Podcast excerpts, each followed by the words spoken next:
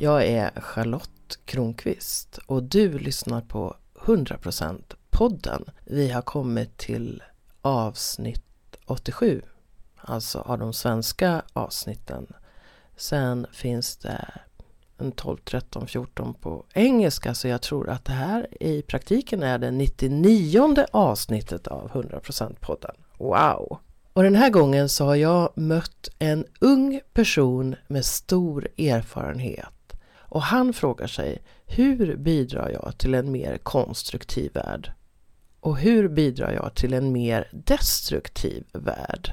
För äventyraren Albert Hobom menar att han gör båda två samtidigt. Albert förlorade sin mamma när han var 14 år och det har förmodligen bidragit till att han är en sökare. Och direkt efter gymnasiet så åkte han iväg med enkel biljett ut i världen. Och sedan dess har han hunnit göra många saker. Och han vill vara med och bidra till att göra skillnad för människan, för planeten och för organismerna som finns här. Lyssna på Albert Hobom. Jag sitter här på Ståltrådsvägen med Albert Hobom. Välkommen hit! Stort tack för det Charlotte! Fenomenalt och häftigt att vara här i din otroligt spirituella studio. Alltså, du är ju så mycket. Du är 24 år. Du är äventyrare. Du är världsmedborgare. Du är meditatör. Du pluggar på KTH. Du har varit med och bygga upp barnhem. Hur har du hunnit med så här mycket? Ja, eh, fantastiskt. Vilken härlig start. Det är en rolig fråga. Jag, eh, jag tror att när jag gick ut gymnasiet för fem sex år sedan så var jag otroligt alienerad. Jag upplevde att jag eh, inte ville vara på den platsen jag var. Jag hade en hög aversion mot systemet som jag var i, det vill säga vänkretsen som jag var i, det vill säga den eh, studiemiljön som jag var i, de förväntningarna som fanns på mig. Så att jag var, eh, i den aversionen så hade jag en stark, stark drivkraft att jag ville bort. Att jag ville bort från det systemet som jag var i och på något sätt komma och utforska vad mina egna gränser går, vad det är som jag kan göra, vad jag kan utföra och jag upplevde inte att jag i den statiska miljön som jag var i hade möjlighet att göra det. Så när jag tog studenten så bestämde jag mig för att jag ville åka iväg och resa direkt och jag ville vara borta länge. Jag hade inte någon eh, hemresebiljett, so to speak. Så att jag eh, åkte till Ghana det första jag gjorde. Jag var där i fyra månader. Och eh, där bodde jag i en, i en, i en by med 400 människor som heter Akroso. Som ligger lite nordöst om Accra som är huvudstaden. Eh, där hade jag ingen el och inget vatten och eh, bodde och var lärare på en mindre skola i matematik och engelska. Och de första tre veckorna som jag hade där var enormt starka därför att jag bröt ihop fullständigt. Jag bröt ihop fullständigt. Jag minns att jag grät varje dag i två eller tre veckor för att jag fick någon typ av extrem release inom mig. Och från den punkten så växte jag otroligt mycket som människa på det sättet att jag mognade och tog ansvar för mig själv. Och jag upplevde också hur det var att leva i en verklighet som var fullständigt diametralt annorlunda än den som jag existerar i hemma på hemmaplan. Där all, alla skyddsnät var närvarande, all trygghet var närvarande vilket också var en begränsning upplevde jag när jag sen flyttade till barnhemmet som heter eh, Helping Hands Children's Home och hjälpte till att bygga upp det så var det, det var något av det tyngsta jag gjort i hela mitt liv. För att det om du tänker att det är 30 barn som är där. De är mellan 3 och 14 år gamla. De flesta av dem vet inte varför de är där för de minns inte hur de hamnade där. Men det var en pojke som heter Junior som berättade att han hade kommit dit, han var 10 eller 11 år och han hade kommit dit för att hans Pappa hade våldtagit hans mamma och sen så hade han sett mamman skjuta honom i huvudet. och sa det till mig. Och jag då som har en berättelse som blev av med min mamma och hon dog i en olycka i Danmark när hon trillade ut från ett fönster för femte våningen 2007, då är jag 14 år. Hittar liksom där våran gemensamma brytpunkt trots att vi kulturellt kommer från helt olika planeter bokstavligt talat. Och det var en av de punkterna som gav extrem permanent motivation inom mig. Jag hade tidigare upplevt att jag var en eh, duktig människa så tillvida att jag var liksom akademiskt begåvad och var socialt kompetent och så vidare men inte motiverad i livet. För att jag hade redan allt hemifrån. Och det tror jag att de flesta har på ett eller annat sätt om vi bor i Sverige. Så du behövde ruskas om? Enormt mycket. Jag tror det verkligen. Jag får ett riktigt slag i ansiktet. Och eh, det gjorde att jag fick en det var ett långt svar på din första fråga här nu. Men det gjorde att jag fick en typ av permanent motivation. Att jag verkligen vill förändra och jag får en stor tacksamhetskänsla från Junior. Och det blir så symboliskt i, i det mesta jag gör. Och det här var alltså 2012. Så det är 5-6 år sedan och jag kan fortfarande få tänka på det och känna den här enorma drivkraften. Så att jag tror att hur jag då hunnit väl med så mycket som du så fantastiskt eh, vill eh, porträttera det så, så är det för att jag blivit högst motiverad för att jag tror att jag sett saker och upplevt saker som är, som är fruktansvärda. Att det har blivit en drivkraft inom mig. Om du tänker dig 50 år framåt i tiden och så tittar du bakåt på ditt liv. Ja. Vad skulle du vilja se? Spännande fråga. Då är jag eh, 75 år gammal. Jag vill se att jag har byggt upp och drivit någon typ av organisation som verkligen är med och påverkar och förändrar mänskligheten eller planeten eller organismerna runt omkring på riktigt och gör en riktig inverkan. Det, det är min stora dröm. Och sen hur det porträtterar sig ifall jag Ifall jag bygger en meditationsapp som når flera miljoner människor eller ifall jag blir VD för en stor bank som förenklar lån och gör det mer transparent med avgifter. Eller någonting däremellan, det har jag ingen aning om. Eller bara uppfostra en fantastisk familj. Så på vilket sätt det liksom manifesterar sig. Det, det, det är nog både eh, naivt och svårt att förutse. Men att kunna påverka och göra det på något sätt. Det, det är det som jag verkligen vill göra. Tycker du att vi är bortskämda här i Sverige? Fruktansvärt bortskämda. Människor har en otrolig oförmåga att ta ansvar för sina egna liv. Vi befinner oss i en situation där 10% av landet går på antidepressiva. Vi skriver ut amfetamin till åttaåringar för att de inte har fått lära sig fokusera hemifrån. Socker är någonting som dödar fler människor, övervikt och fetma dödar fler människor idag än vad svält gör. Och 57 procent av den svenska befolkningen är idag överviktiga. Det är enorma, enorma siffror. Det betyder att vi befinner oss i en situation som är kritisk och vi måste på något sätt ändra den riktningen som vi är på väg, både som ett kollektiv och som individ. Så därför så är vi enormt bortskämda och det är någonting som blir djupt destruktivt för oss som, som folk och som vi behöver hitta en, en förändring för att annars Alltså så här, jag lägger fram det på det här sättet. Vi måste förändra det här beteendet på individ och på kollektiv nivå. Vi har inget val. Jag tänker ofta så här att vi fostras till att vi ska vara som andra. Och vi, barn blir retade när de inte är som andra. Vi blir fostrade till ett slags kollektiv och till att den som har svaren på frågorna den ställer frågorna istället för att de som inte vet ställer frågorna. Så vi lär oss så att säga att, bli, att svara rätt. Att, mm göra som samhället vill eller som mamma vill eh, eller så. Och då blir vi, jag kallar det att vi blir konsumenter. Vi slutar tänka själva, vi tänker inte kritiskt mm. och vi släpper också ansvaret för våra liv. För det är någon annan som vet bättre, det är någon annan som måste göra någonting. Mm. Och jag uppfattar att du är en person eh, som vill tänka själv och eh, som vill se konsekvenserna av ditt handlande. Mm. Det finns eh, absolut, det finns en, en, en filosof, eller fanns en filosof som hette Terence McKenna som pratade väldigt mycket om the primacy of direct experience, alltså den direkta upplevelsen och erfarenheten. Och menar på det att det spelar ingen roll om en kvantfysiker någonstans, någon annanstans förstår sig på kvantfysik. Vad gör det för dig? Hur förändrar det ditt universum?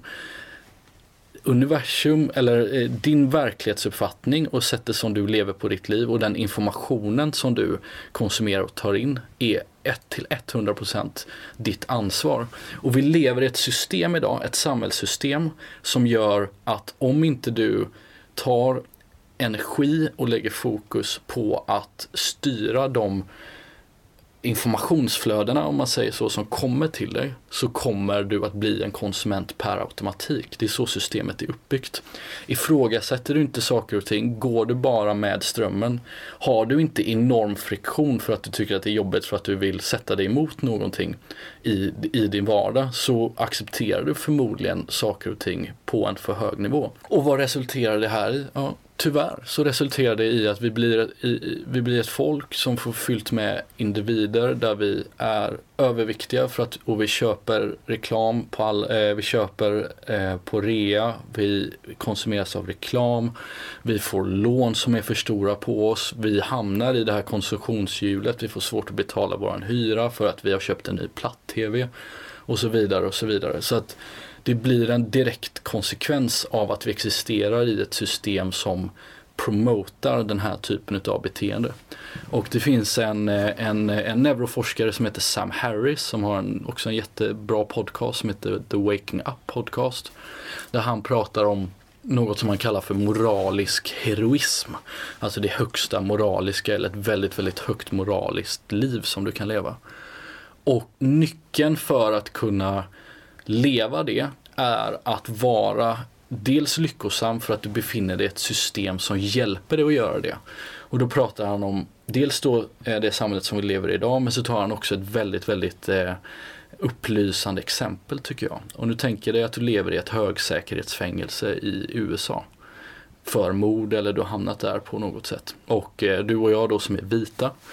För oss att utföra en moralisk handling så krävs det något så enormt stort av oss att det blir destruktivt och farligt för oss. Därför att så fort vi kommer in i det högsäkerhetsfängelset så måste vi välja att gå med i de vitas grupp och börja hata svarta och mexikanare och leva enligt det systemet. För gör inte vi det så kommer vi dö.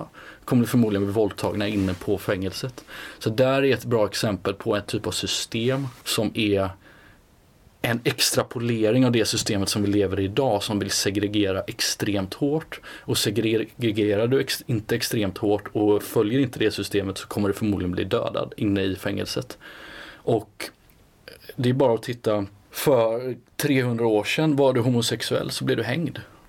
Och så vidare och så vidare. Så att nyckeln som jag försöker att hitta är hur kan vi vara med att bygga ett system vars ramverk och kulturella struktur gör det enklare för oss att bli, leva ett moraliskt högt liv som är i enlighet med våran faktiska natur och i enlighet med en konstruktiv hållbar världsbild som vi försöker skapa. Och det ser vi ju faktiskt väldigt många framsteg inom. Vi pratade innan podden start här att på tunnelbanan i Stockholm så kan man se mer och mer reklam för vegetariska och veganska matalternativ. Och det gör det enklare. Du sa att för 15 år sedan så var det mycket svårare att vara vegan och vegetarian än vad det är idag i Stockholm. Och så är det ju.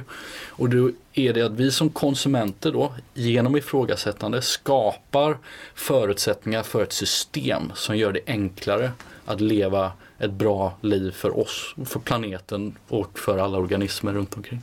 Vad säger du då till de som säger så här, ja men du, det finns sju miljarder människor, det spelar väl ingen roll vad jag gör? Ja, det är ditt liv. Det är din upplevelse. När du ligger där och har dött i graven, vad vill du ha haft för upplevelse? Vill du säga att, alltså så här, vi måste fråga oss själva som individer, vart är vi på väg? Som ett värld, som ett samhälle. Vad är det för stora drivkrafter och trender som vi ser? Tycker jag om trumpismen? Tycker jag om politisk populism? Tycker jag om segregation? Tycker jag om klimatförändring, temperaturhöjning? Okej, okay. det är uppenbarligen fakta, evidensbaserade riktlinjer, det är hitåt vi är på väg. Vad finns, då måste jag som individ ta ansvar och ifrågasätta mig själv på en väldigt djup, kritisk, introspektiv nivå. Vad är det som jag gör idag som antingen då bidrar till den här mer konstruktiva världen och vad är det jag gör som bidrar till den destruktiva världen? Och jag menar, jag personligen är högst involverad i båda av de här delarna. Och, jag tror, och det är vi alla på ett eller annat plan. Och jag tror att nyckeln är att vi måste ställa de här riktigt jobbiga, ångestfyllda, kritiska frågorna till oss själva. Dels för att kunna älska oss själva men också för våra barns skull och för våra barnbarns skull. Vad är det för värld som vi vill ge vidare? Säg en sån fråga som du har ställt till dig själv som har gett dig ångest. Ger jag tillräckligt mycket kärlek till min sambo Kajsa? Är jag tillräckligt närvarande? Har jag skött, vad heter det? Jo det heter ju att man eh, källsorterar. Det är ett jättebra exempel. Jag är uppvuxen med en, en, en eh, pappa, en fantastisk pappa som inte alls gör det, har aldrig gjort det och dessutom har en liksom humoristisk aversion emot eh, att eh, källsortera och tycker att det där är löjligt. Det gör ju män i miljöpartister bara ungefär. Och det har ju även han fått äta upp på senare år. Men jag är så uppvuxen med den, det tänket. Det har blivit mitt kulturella eller sociokulturella operativsystem som jag bara har fått nedärvt från min pappa. Vilket gör att jag måste lägga jättemycket kraft och tycker att det är asjobbigt att källsortera. Så att när det, är, det är en liten punkt som har fått mig att absolut att få ångest för att jag har fått ställa den frågan till mig och inse att okej okay, Albert Hobom på det planet så bidrar du inte till den här världen som du faktiskt vill se. Dels så spenderade du tid i Ghana och sen så gjorde du en nio månaders resa när du inte var uppkopplad och så. Och som jag förstod det så, så fick du möta långsamheten och närvaron. Och du snuddade vid det här tidigare att vi är vi, vi har så mycket för oss att vi har liksom inte tid att uh, tänka efter eller att vara oss själva eller så. Hur ger du utrymme för, för varandet eller för reflektion? Mm. Nu traverserar vi på eh, en terräng som för många kan uppfattas som abstrakt, som svårförståelig och kanske som ineffektiv. Det är min stora övertygelse, empiriska övertygelse att det här är raka motsatsen. Det som vi pratar om nu är vetenskapligt grundat, det är forskarbaserat och det är framförallt då empiriskt, det vill säga det är upplevelsemässigt verifierbart.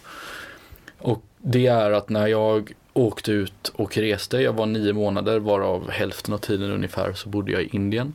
Jag hade ingen uppkoppling, ingen telefon, jag hade en telefon, en sån här Nokia tegelsten. Och eh, var istället helt utan schema. Jag hade helt utan några externa förväntningar på mig. Jag var helt fri att resa dit jag ville. Jag var otroligt mobil. Och jag bodde med lokalbefolkning. Jag bodde flera nätter i slummen i New Delhi och även i Mumbai. Och vad som händer när du extraherar all kortsiktig stimuli och all den stimulans som gör att vi faktiskt blir frånvarande i, i ett liv. Vad som händer när du extraherar det och tar bort det är väldigt, väldigt intressant. Det som sker är att medvetandet blir mer reflektivt. Du får ett högre fokus på dig själv. Du får en större förmåga att se när du utför ett beteende vad det får för konsekvenser. Det vill säga det blir svårare att uppehålla en eh, tobaksvana eller det blir svårare att göra något självskadligt beteende. Därför att vi har ingenting som kan distrahera oss ifrån att se den.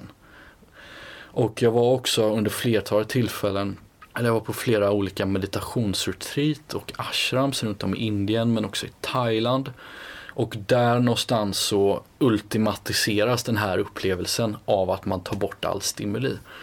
Så att det som då Indien och den upplevelsen gjorde på några månader gjorde jag också under tio dagars etapper när jag var på ett sånt här tyst meditationsretreat där man då uppenbarligen får inte prata, du får inte ögonkontakt med någon annan, du får inte läsa, du får inte skriva, du får inte träna, du får inte ha sex uppenbarligen.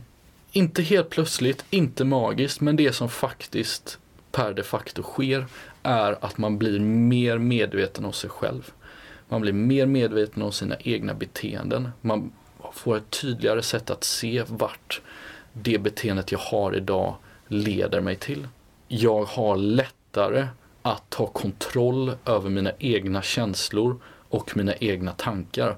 Det vill säga, jag får en högre kapacitet att styra hur min verklighet faktiskt ska se ut och därmed vilken värld jag lever i och hur jag mår. Och sen då vidare till, till din fråga hur jag då bibehåller det här hemma. Och det är en stor utmaning för mig. Det är verkligen ingenting som jag har gjort perfekt. Och konsekvenserna av då att vara mindre närvarande innebär att jag säger felaktiga saker ibland. Jag blir för emotionell vid tillfällen. Jag blir eh, mer nervös än vad jag tycker att jag egentligen borde vara om jag skriver en tentamen eller om jag talar inför människor. Jag får alltså då mindre kontroll över mina tankar och mina känslor. Det är det som blir konsekvensen av det.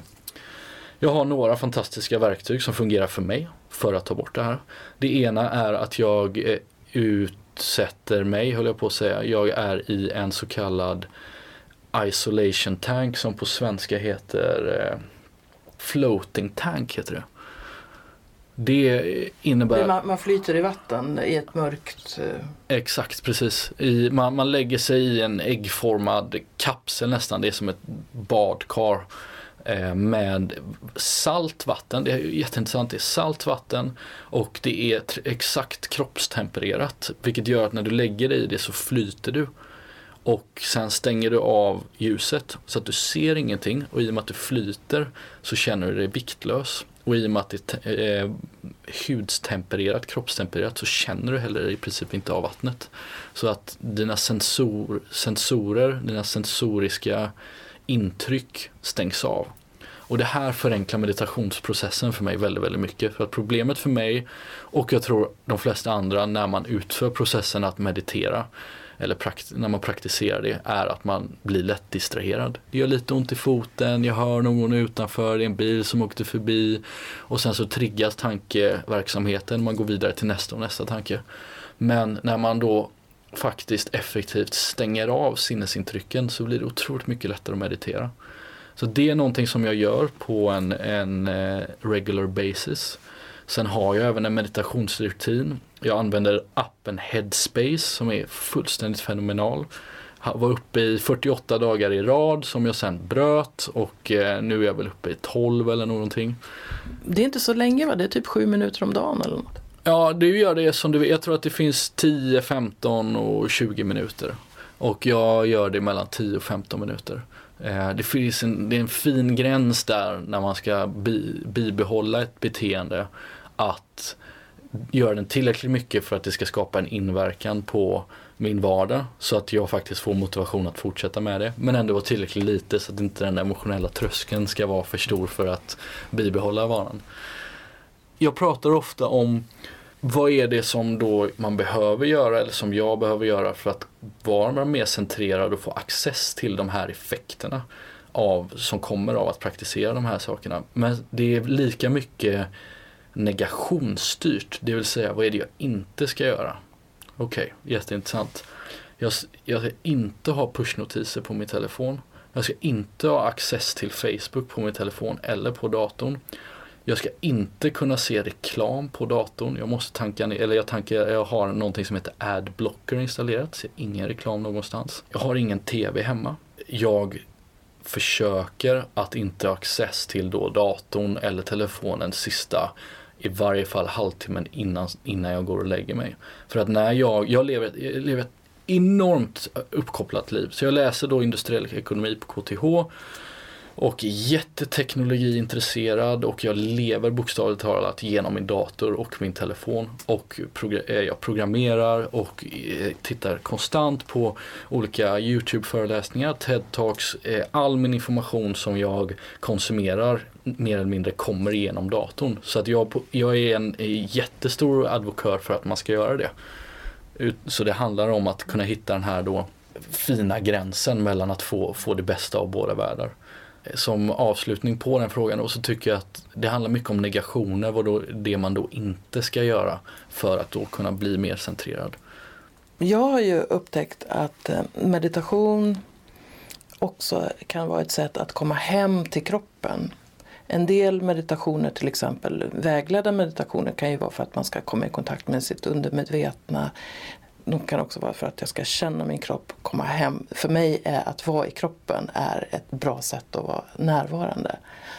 Och du håller ju på och leker med din kropp och utsätter den för massa saker som en del i din närvaroträning. Jag menar, vad, att klättra högt upp för ett berg, vad ger det dig? ja, det, jag ställer mig själv samma fråga, det är jätteintressant och eh, varför utsätta sig för risker? Så jag älskar extremsporter av olika slag. Jag älskar att hoppa fallskärm, bungee jump, jag har en svart sporthoj som jag äntligen får ta ut nu när våren kommer. Och isklättrar, vilket är kanske det häftigaste jag vet, att isklättra. Och då är frågan, precis var, var är, varför? Varför gör man det? Där får jag rannsaka mig själv och vara väldigt ärlig mot mig själv och erkänna saker och ting. Att jag kan värdera det väldigt mycket i att det är naturupplevelser och det är det. Man blir väldigt närvarande när man är i naturen och att jag upplever att det är en väldigt eh, naken miljö som man befinner sig i när jag är uppe i norska eh, fjällen och faktiskt klättrar. Men vad det faktiskt är adrenalin. Jag känner att jag har inte råd att tänka på någonting annat. Jag forcerar mitt medvetande att vara 100% fokuserad på min uppgift. Gör jag inte det så blir det farligt. Att då balansera och traversera på den här linjen där jag måste ha då full kontroll för att det inte ska bli en faktisk högriskaktivitet. Det är en massiv mäktig känsla och i slutändan så blir ju det en hedonistisk upplevelse. Så att eh, så svaret på frågan är för att det är så, en sån fantastisk häftig upplevelse. Och det är en kick i det som är hedonistisk. Och den, den gör då också att jag blir väldigt närvarande i det jag gör. Jag får tillgång till de här naturupplevelserna, jag är med mig själv. Så att det, vilket också är en viktig del, men den stora delen är att det är It's a fucking blast.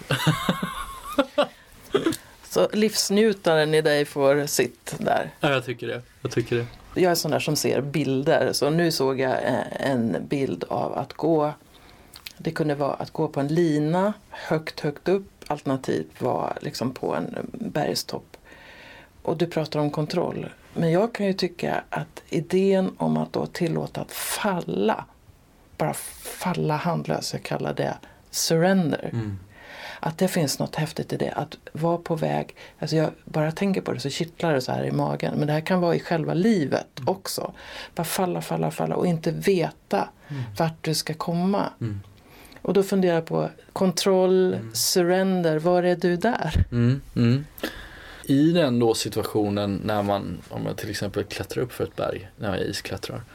Så är det ju också Eh, att jag blir tvingad till att ha en total acceptans till att situationen är där den är och jag befinner mig högt upp och man kommer till positioner där man kan inte klättra högre, point of no return, det är säkrare att klättra hela vägen upp än att faktiskt bara släppa och klättra ner. Eller när man då är ute och kör motorcykel eller vad det än nu kan vara. Och där är ju hela den upplevelsen och det är också en central del i hela den spirituella upplevelsen att faktiskt släppa taget. Att man släpper taget, accepterar det som händer för att då kunna öppna upp sig för någonting nytt. Det blir en väldigt symbolisk effekt av att faktiskt släppa taget som sker internt. Så det är precis som du säger att eh, man behöver ha en hög kontroll, eller man behöver, som jag säger då, att man behöver ha en hög kontroll för att kunna utför de här upplevelserna men internt så krävs ju en enorm acceptans för att man är där man är och man har valt att utsätta sig för den risken. Men jag menar vad jag tycker framförallt inom just att utföra meditation så är ju ah, tekniken att våga släppa taget den absolut essentiella. Den stora tekniken för att kunna gå igenom de upplevelserna som också kopplade om man gör ett meditationsretreat att faktiskt hela tiden släppa taget, släppa taget, släppa taget. Att det är det som det egentligen handlar om. Och då att våga släppa taget. För att det som händer när man hoppar in i den här svarta ravinen är att man faktiskt landar på en fjäderbädd. Och att lita på att det är det som händer. En av de häftiga sakerna är ju att man kan uppleva det på många olika sätt. Man kan ju, man kan ju få igång den själv. När man, jag håller ju på med tantra och så, då kan man förändra sitt medvetandetillstånd i njutning och så, och så kommer man igenom det där. Det är rätt så roligt faktiskt. Kan du testa någon gång? Absolut, absolut. Det är jag öppen för. Ja. Du, du har tre armband. Mm. Så tänker jag så här, det är, jag tror inte att det finns någon slump med dig. Finns det någon, något av det här som har någon historia som kunde vara intressant för de som lyssnar? Hmm. Alltså, jag har alltid haft armband. Jag har alltid haft väldigt många armband. Och när jag var ute och reste så samlade jag alltid ett armband för varje land. Eh, men nu när jag har kommit hem så har jag bytt ut dem till lite mer, eh, vad ska man säga, ja visst de är mer exklusiva givet att de jag köpte kostade typ 4 kronor när jag var ute och reste. Det här armbandet är gemensamt för mig och min pappa. Så de två har vi tillsammans. Och vi, eh, vi gjorde dem, vi har alltid haft någon sån materiell eh, symbol som, som var samma för oss. Vi, jag och min pappa vi blev väldigt, väldigt tajta när, och min syster Minna såklart, när eh, mamma dog. Och min relation med min pappa idag, är, pappa idag är helt otrolig. Den är liksom starkare än vad bara ett pappa-sonband har blivit. För att jag har vuxit upp och blivit vuxen och han har helt och hållet accepterat det. Och jag tror att en väldigt viktig aspekt i att vara förälder, för rätta mig om jag fel, har fel, är att våga klippa navelbandet när det är dags. Och någonting som jag vet och har många exempel på i min närvaro där föräldrar inte har vågat göra det, släppa taget. Och så vår, vår relation går, eh, har transcenderat någonstans bara pappa-son och blivit starkt från en människa till en annan på i, i, hierarkilöst. Så det är otroligt häftigt. Jag tänkte så här, du, du, när, när din mamma dog så var det ju som en chock i ditt liv. Och du var 14 år och det gjorde förmodligen att du är där du är idag. Men många lever ju liv som det rullar på och vi pratar lite om att vara bortskämd och så. Och du är ute och, och pratar och vill vill få människor att vakna kanske eller börja ta ansvar och så. Och vad brukar vara bra liksom, argument? Alltså, kan du se så här, nu poppade någonting hos den här personen. Alltså, vad är det som händer när du pratar med dem?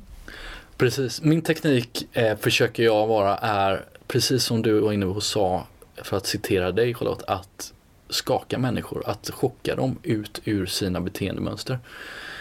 Och jag är på inget sätt upplyst överhuvudtaget. Jag är förmodligen mindre upplyst än de flesta och mindre uppva eh, uppvaknad än väldigt många. Men jag tror ändå på något sätt att jag har access till information och framförallt haft access till upplevelser genom till exempel min mammas bortgång som gör att jag har en berättelse som är värd att berätta där jag hoppas att jag kan hjälpa andra människor i deras process att faktiskt genomföra det här. Och en stor fråga som också då jag ställer mig i samband med det här är att måste man uppleva ett kritiskt trauma för att kunna få de här effekterna och för att kunna se eh, världen ur det här filtret? Och mitt svar är absolut inte. Men det verkar som när jag pratar med många människor att det har varit en utlösande faktor.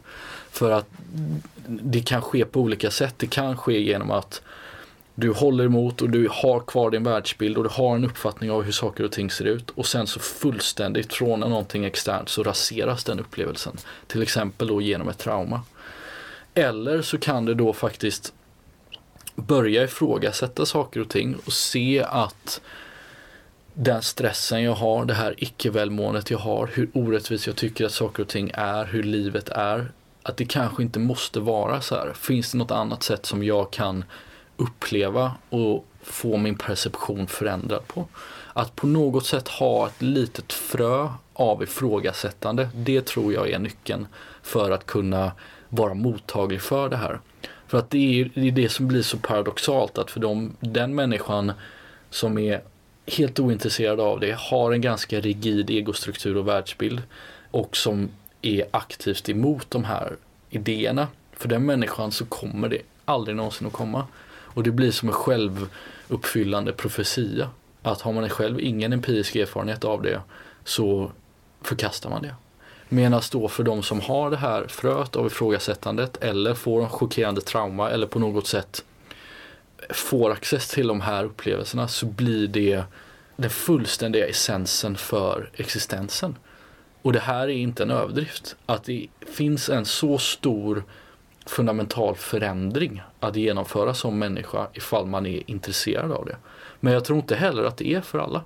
Det är min genuina uppfattning att jag tror att vissa stora ledare eller människor som åstadkommer extremt mycket gott har inte en direkt nytta av att ha de här upplevelserna. Och det är ganska lätt att vilja konvertera, för att använda religiösa termer som jag egentligen inte gillar, alla när man, har, när man känner att det fungerar så fantastiskt starkt för en själv.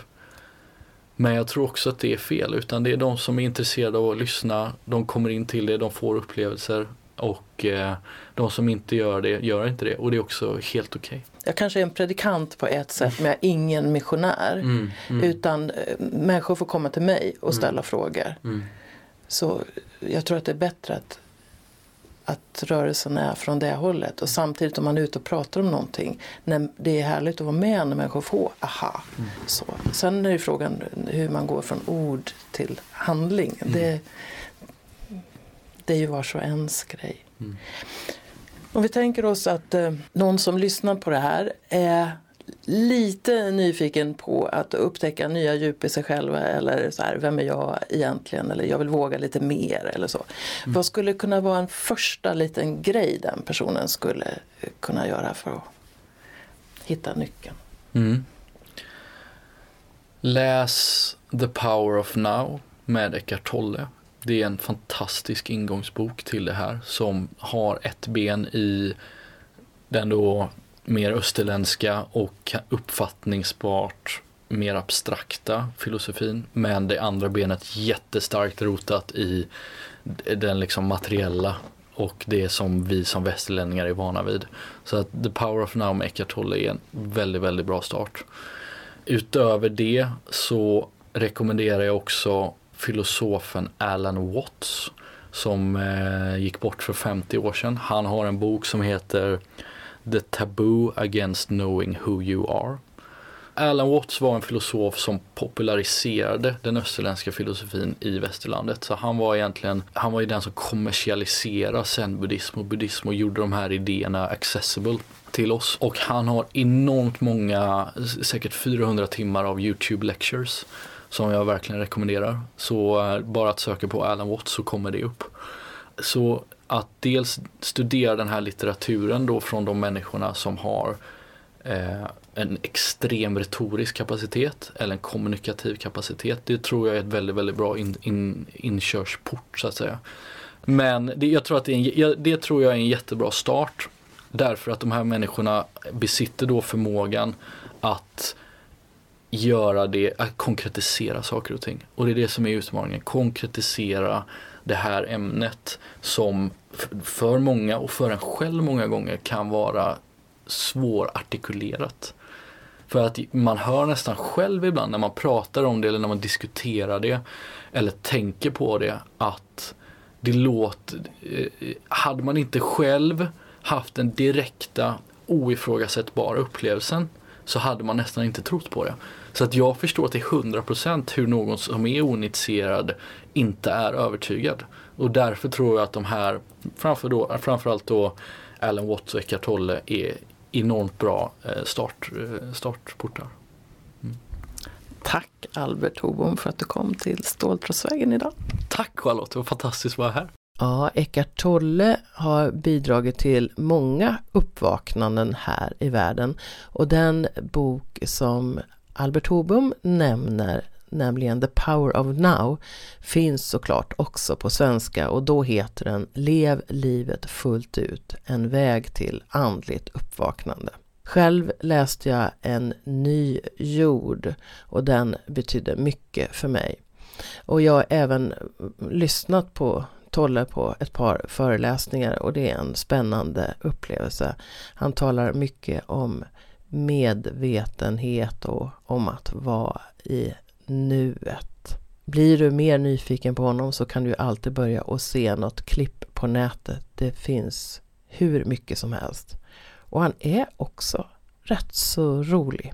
Och Albert Hobom kommer du säkert att höra mer om. Det ska bli spännande att se vad han tar sig för när han har gått färdigt på KTH.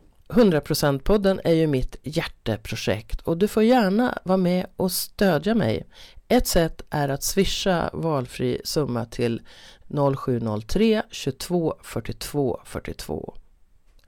0703 22 42 42. Och jag söker samarbetspartners. Gärna någon som vill vara med och producera 100% podden och som ser potentialen i det här.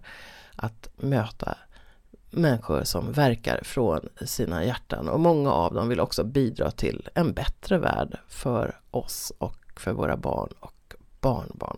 Du kan också gå in på min hemsida charlottekronqvist.org. Jag har till exempel flera onlinekurser som kan bidra till att du får ett rikare liv. En av dem heter Älska kroppen. En heter Ta makten. Och en heter Lekfull tantra. Och Lekfull tantra finns också som helgkurs och nästa tillfälle är den 22 och 23 september i Stockholm. Året är alltså 2018. Så gå gärna in på min hemsida charlottekronqvist.org och botanisera. Och du, kom ihåg att du är den viktigaste personen i ditt liv.